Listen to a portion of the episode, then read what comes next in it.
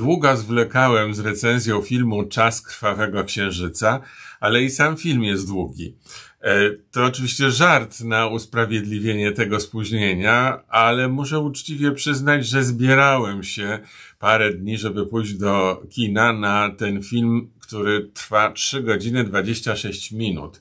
To jest nawet jak na Mar Martina Scorsese, e, no bardzo długi film e, i wymaga dobrej dyspozycji i psychicznej, i fizycznej, żeby to wytrzymać w kinie.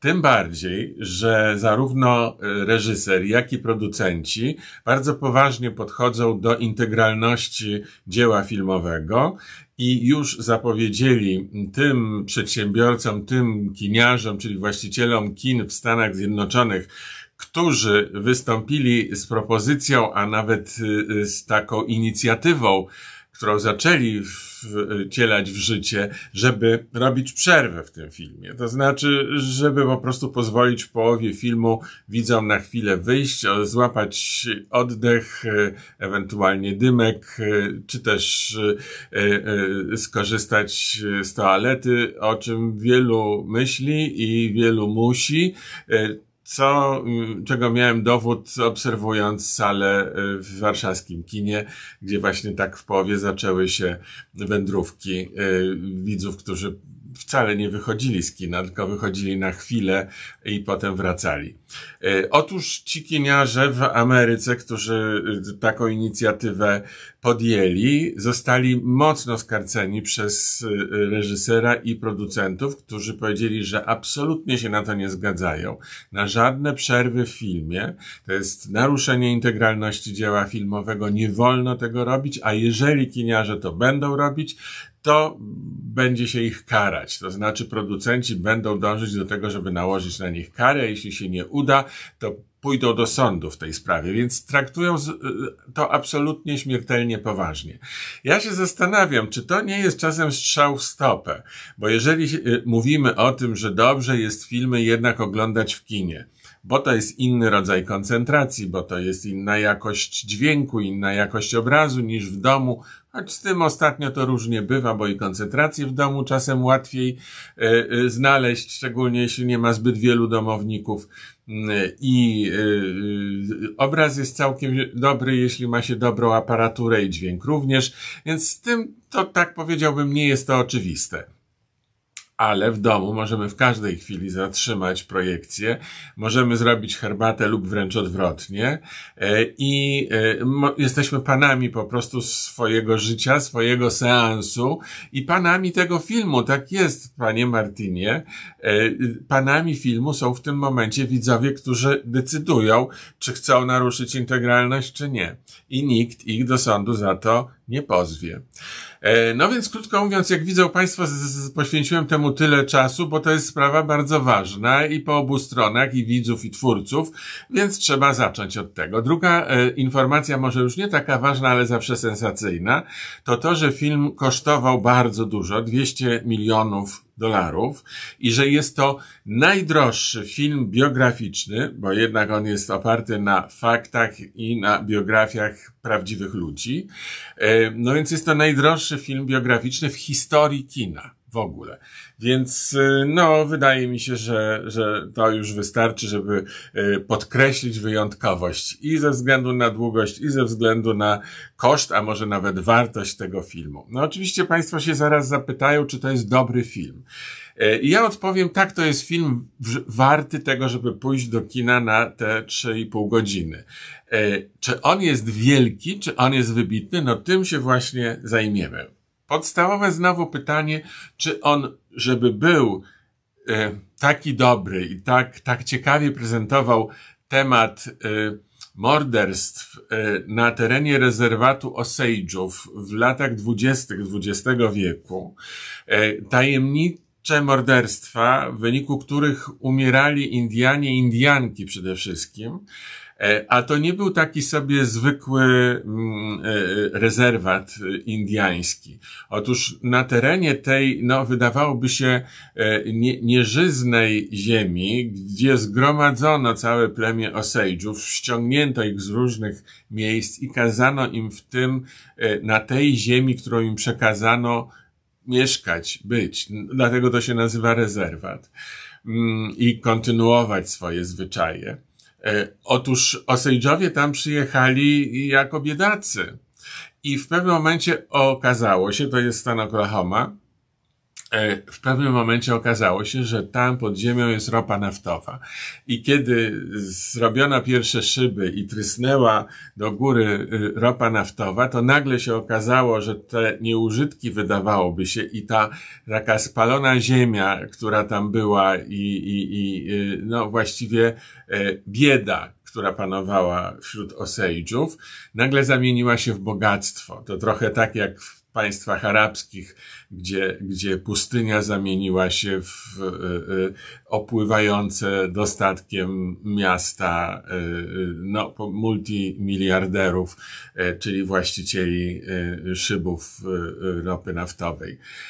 E, tak się stało tutaj i Osejdżowie dostali prawo czerpania zysków z ropy naftowej, e, która była wydobywana na ich ziemiach i oni stali się bardzo bogatymi ludźmi. A to zaczęło przyciągać nie tylko tych, którzy e, wydobywają ropę naftową, ale także wielu innych ludzi, których zawsze ciągnie bogactwo. Wśród nich także e, młodych, e, białych mężczyzn, kawalerów, którzy chętnie żenili się z Indiankami. No, właśnie z tego plemienia Osage'ów, czyli z Indiankami, które posiadały dostęp do ogromnego bogactwa.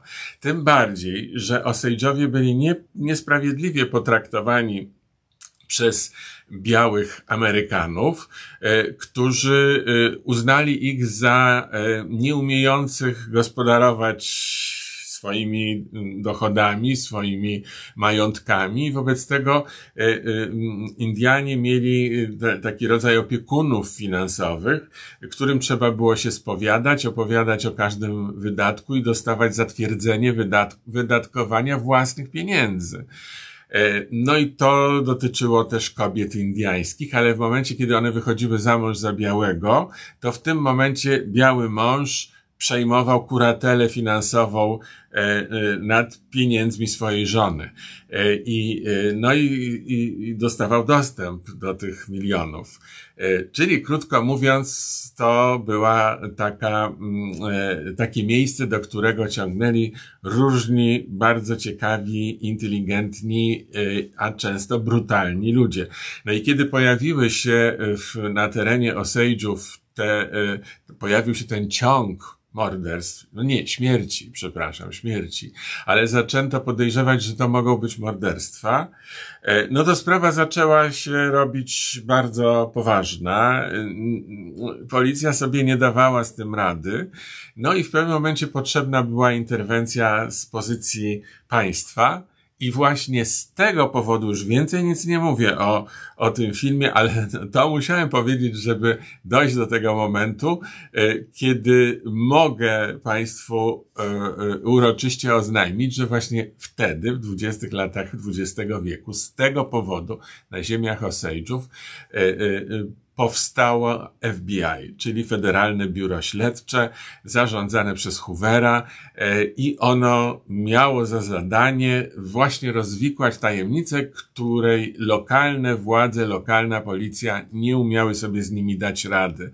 I pierwsza sprawa, dla której powołano FBI, to były właśnie te morderstwa e, Indianek, głównie e, w, na terenie rezerwatu Osage'ów. O tym jest ten film i dlatego dlatego ten film nazywa się filmem biograficznym, bo mamy tam prawdziwe postacie. Główną rolę gra Leonardo DiCaprio, Ernesta Burkarta, y, który to Ernest, młody człowiek, taki trochę nie, nie, nie wiedzący, co ze sobą zrobić, ale go ściąga tam na tę ziemię jego wuj, którego gra Robert De Niro, a wuj się nazywa William Hale. William Hale, o to jest właśnie naj, największa postać biograficzna, bo to był sławny człowiek, który, jak się okazało, właśnie zarządzał, e, zarządzał tym, co się tam działo na terenie Osage'ów.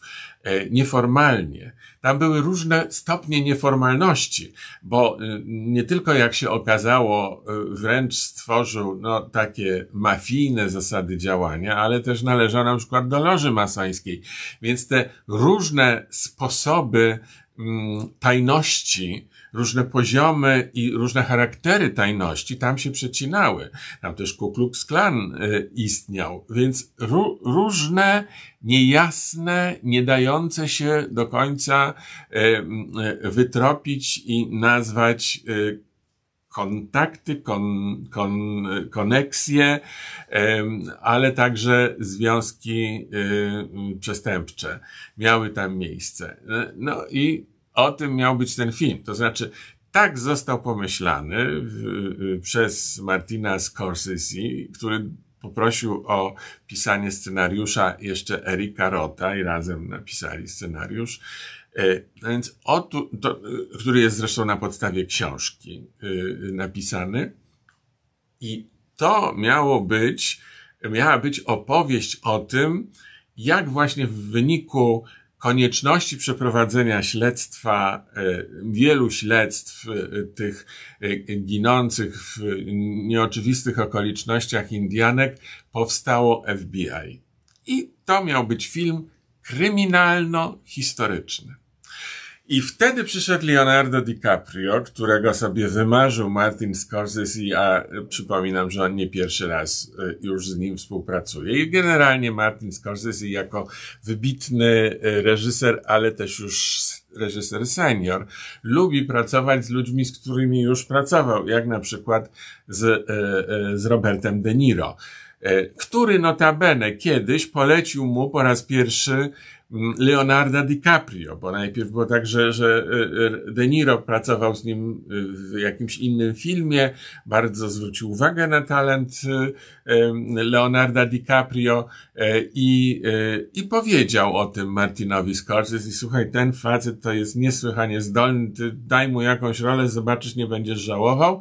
Martin Scorsese sobie zapamiętał to, w pewnym momencie poprosił Leonardo DiCaprio i oczywiście kliknęło. I tutaj ma i Leonarda, i Roberta, z którymi kliknęło, i ma jeszcze dziewczynę, Indiankę, która staje się żoną Ernesta, granego przez Leonardo DiCaprio, którą gra Lily Gladstone.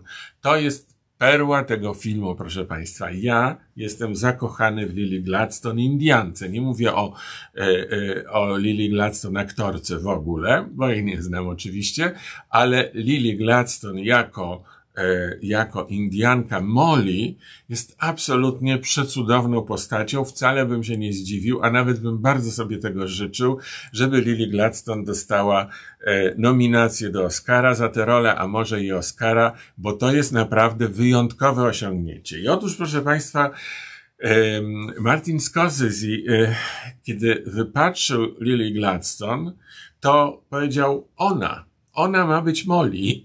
I mimo, że e, nasz reżyser senior uwielbia robić castingi i długo bardzo wybiera i przebiera, który aktor, która aktorka mogłaby dobrze zagrać e, rolę przez niego wymyśloną, to w tym przypadku nie było zdjęć próbnych, nie było castingu, nie było wątpliwości. E, Martin Scorsese powiedział, kiedy spojrzałem w oczy Lily Gladstone, zrozumiałem, że ona ma w sobie tę szczerość i prawdomówność, którą ma mieć Molly. I to jest taka prawdomówność, której nie można e, e, mieć wątpliwości co do której, która jest absolutnie w naturalny sposób prawdziwa i niepodważalna.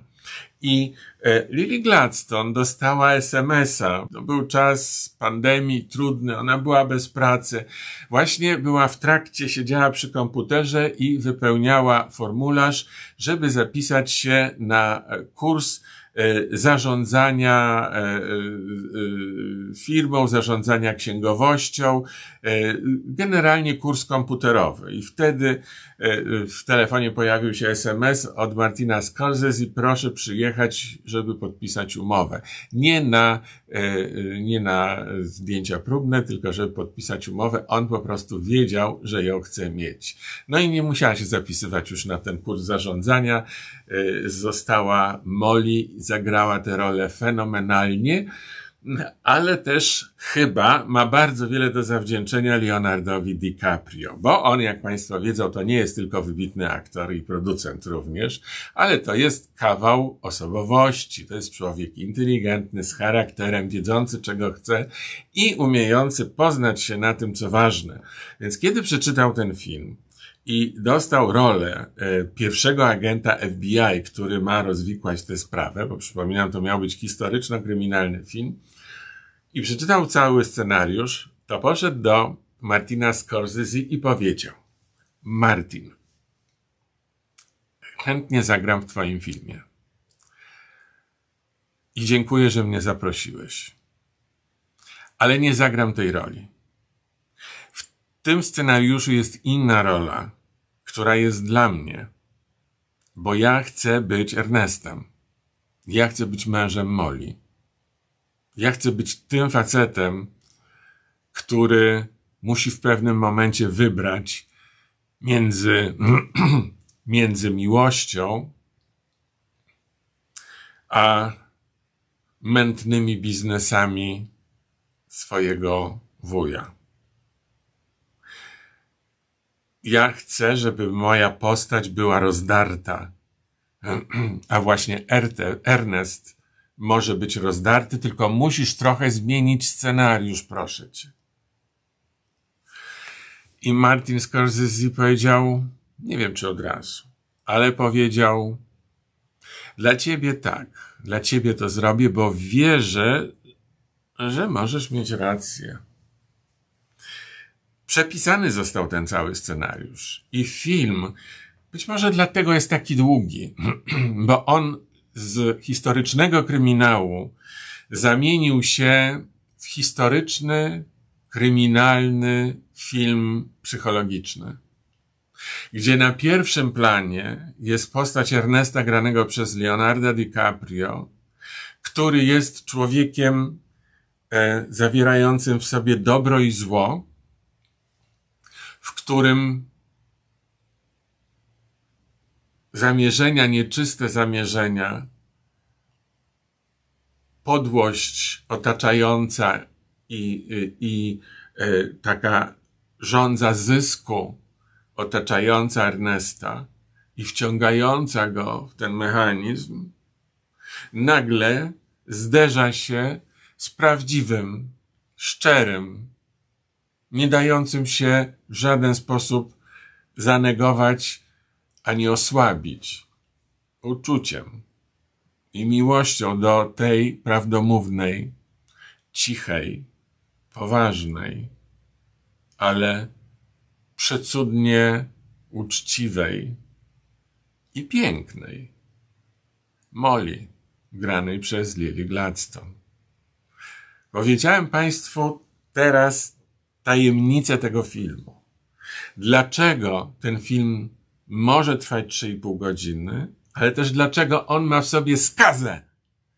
On ma skazę polegającą na tym, że tam są jakby dwa filmy, które mocną i mądrą ręką zostały połączone w siebie ze sobą. One się w siebie wgryzły, scaliły, ale dały to takie trochę męczące e, przedłużanie, bo tę samą historię można było opowiedzieć krócej. Nawet przy użyciu stylu Ariego Astera, bo to jest ciekawa historia, że Martin Scorsese, który jest przecież doświadczonym mistrzem reżyserii i tak jest traktowany w Hollywood, jednocześnie on się przyznał, że dla niego inspiracją do tego filmu była twórczość innego, młodszego reżysera Ariego Astera, a szczególnie filmy Midsommar i Bo się boi, o których tu mówiłem w moich wideorecenzjach. Mogą Państwo wrócić do poprzednich nagrań. Otóż Ari Aster, który, który ma taki bardzo nowoczesny sposób opowiadania, ale zarazem bardzo poetycki i zarazem bardzo psychologiczny, stał się nie tylko inspiracją, ale taką jakby latarnią, takim reflektorem oświetlającym całą tę historię E, powstania FBI. I to, i on się stał takim kluczem wiolinowym. Często muzycznych porównań e, używam i mówię, że coś było kamertonem, który podawał dźwięk. Takim kamertonem. Zawsze Państwu przypominam, że kamerton powinien być na każdym biurku i jak się uderzy kamertonem na przykład, na przykład w kubek, to nie, nie, nie. W kubek nie. Co my tutaj uderzymy? Może byśmy w to uderzyli? O. I to jest ten dźwięk, e, do którego my się potem powinniśmy stosować, żeby e, była zachowana tonacja i żeby wszystko e, było na właściwym miejscu. Zapytają Państwo, no zaraz, zaraz. Jeżeli Leonardo DiCaprio miał zagrać tego pierwszego agenta FBI, ale ostatecznie nie zagrał, no to kto go zagrał? Zagrał go Jesse Plemons, proszę Państwa. Bardzo dobrze zresztą zagrał. E, co prawda to jest rola już zmniejszona i ustawiona w drugim planie tego filmu, ale jednak bardzo ważna. No, od połowy filmu mniej więcej on się pojawia i potem ma już zadanie sprawcze. E, wywiązał się z tego znakomicie, tak jak i Robert De Niro, jak e, Leonardo DiCaprio i jak wyjątkowo wybitnie e, Lily Gladstone, ale powstaje pytanie, czy był ktoś na planie, kto zawiódł? I wyobraźcie sobie Państwo, że coś takiego się pojawia w amerykańskich recenzjach tego filmu. Ja do końca nie zwróciłem takiej uwagi na małą rolę, e, e, która ma w zasadzie charakter epizodu. E, obrońcy, kiedy już trafia do sądu wuj, grany przez Roberta De Niro i jego gra Brendan Fraser. Była taka radość i taki entuzjazm, kiedy ogłoszono, że on zagra w tym filmie. To był cały czas, kiedy Brendan Fraser był na wznoszącej, która go doprowadziła do Oscara. E, I cieszono się, że ma znowu okazję, żeby wrócić na plan, żeby zagrać, żeby pokazać swoją wartość. Brawo, brawo, brawo. A kiedy już zagrał i już dostał Oscara, to teraz ten film wchodzi na ekrany już po Oscarze za co innego Frasera i mówią tak, no ten Brendan Fraser, tak, no, no tak, no dobrze, że zagrał, oczywiście bardzo dobrze, z tym, że przesadza, no niepotrzebnie tak trochę za ciężko zagrał. E, e, różni się od pozostałych aktorów na planie, którzy mają taki powściągliwy styl aktorstwa, a on ma taki szeroki, taki mocny, taki przesterowany. E, nie, niepotrzebnie, niepotrzebnie. No po co się tak popisywać? Po co? Tak mniej więcej piszą. E, różni. Więc Brendan Fraser muszą Państwo sami ocenić, czy, czy sprostał oczekiwaniom, czy przesadził i, i za mocno zagrał. Tak czy owak, aktorsko film znakomity. Reżysersko bardzo konsekwentnie zrobiony. Jest fenomen pewien tutaj e, w tej reżyserii. Mianowicie film trwa 3,5 godziny, powtarzam jak mantrę, ale jednocześnie on jest zrobiony na szybkich e, e, kadrach, na, na, na szybkich ujęciach, które są montowane bardzo gęsto i mm, przychodzi mi na myśl, że jednak Martin Scorsese myślał o tym, żeby żadna scena ani o sekundę nie trwała dłużej niż musi. Dlatego mamy taki, y, y, y, takie momenty, kiedy to naprawdę szybko jedno za drugim idzie i teraz być może to jest powodem, że te 3,5 godziny mimo wszystko nawet bez przerwy oglądamy bez zmęczenia. Bo tak jest. Kiedy już się odważymy na to, pójdziemy do kina, to się okazuje, że ten film ogląda się e, płynnie i e, siedzenie nie boli. No prawie do końca nie boli. Jak ja oceniam ten film? E, zaraz będzie oczywiście misa tybetańska, zaraz wszystko Państwu opowiem, ale, ale zanim to, to jeszcze raz powtórzę, warto na ten film iść do kina. Pytają mnie ciągle wszyscy, czy czy może lepiej poczekać, aż będzie y, gdzieś na platformie streamingowej? Odpowiem tak. Poczekać zawsze można. Ale w kinie, ja widziałem w IMAXie ten film, on y, y, absolutnie się spełnia i absolutnie y, je, daje radość oglądania prawdziwego kina. A to jest prawdziwe kino. Więc warto wybrać się do kina, niekoniecznie IMAXu, ale, y, no ale kina z prawdziwym dużym ekranem. Misa tybetańska już jest w moich rękach. Znak, że będę zaraz oceniał. Uwaga. Misa podała ton. To jest taki nasz kamerton szczerości. No i yy, ocena. 7 na 10 to jest moja ocena. Teraz jeszcze będzie ocena y, wymyślona przez moją profesorkę Annę Radziwiu, y, y, czyli pierwiastek I ten pierwiastek będzie oznaczał moje przewidywania, jak atrakcyjny ten film okaże się dla widowni. E, I moim zdaniem on dla widowni, no, pierwiastek z szóstki. Ale też to może być pierwiastek z kropki. Pierwiastek z szóstki to myślę, że no nie dla każdego jest ten film, bo jednak trzeba mieć pewną, podjąć pewną decyzję, żeby przeznaczyć sporą część dnia na obejrzenie tego filmu i pozwolić się temu filmowi zabrać w podróż. I być bardzo uważnym przez długi czas. Uważnym, bo jeśli się nie jest uważnym, to mnóstwo rzeczy się straci.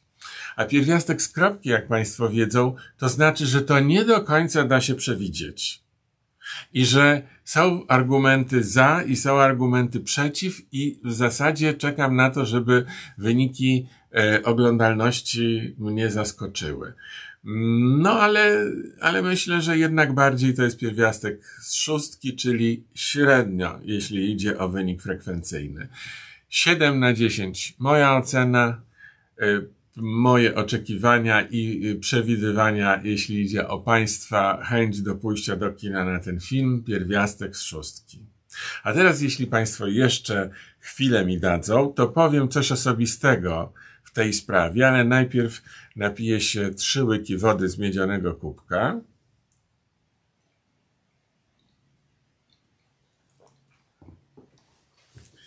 Potem uderzę w misę tybetańską, żeby gążek usłyszeć, a gążek nas przepuści do części premium.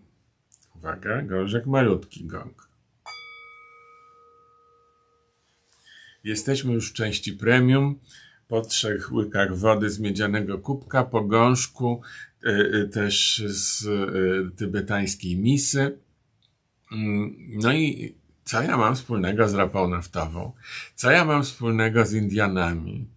Co ja mam wspólnego e, z tamtymi latami?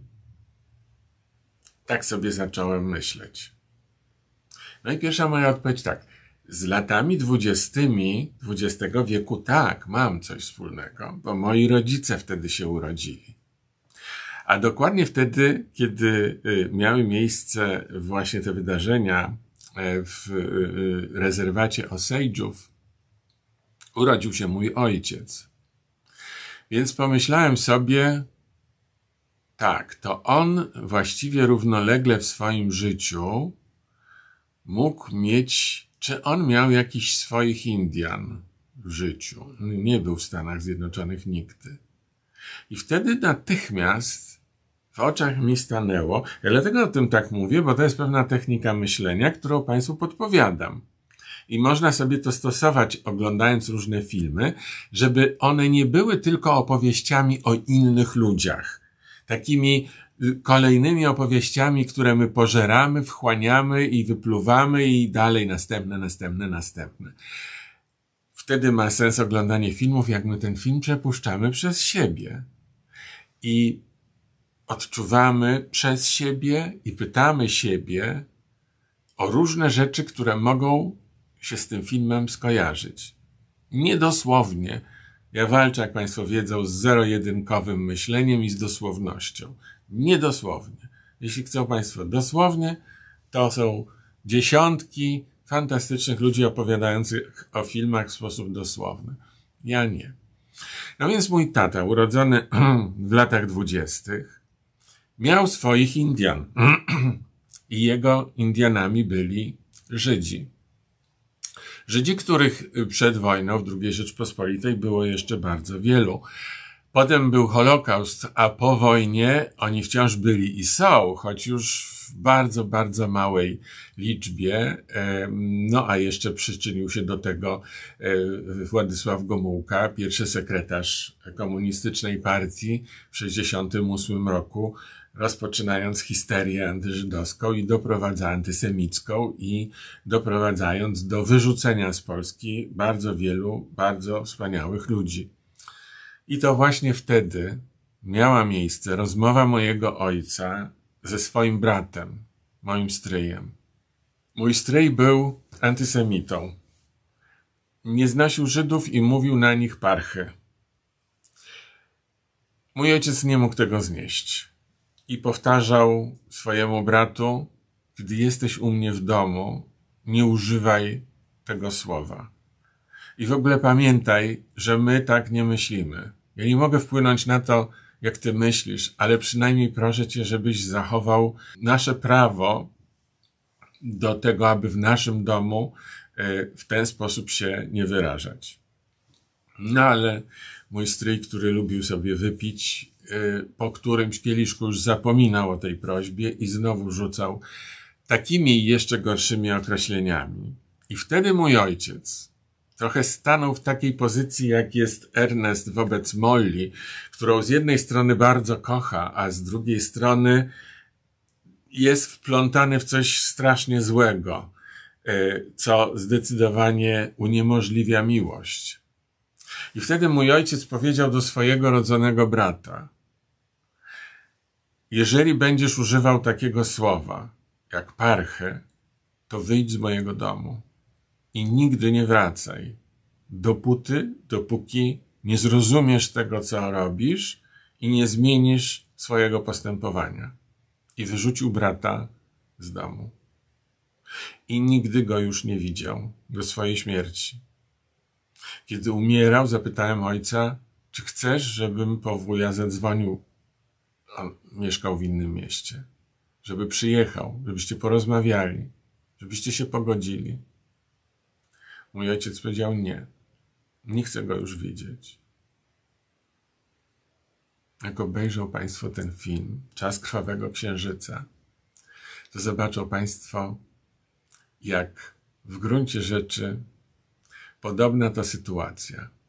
Choć chodzi o całkiem coś innego i inny jest, inny jest kaliber tej, tej sytuacji ale jej istota jest bardzo podobna. Przepuśćcie Państwo ten film przez siebie.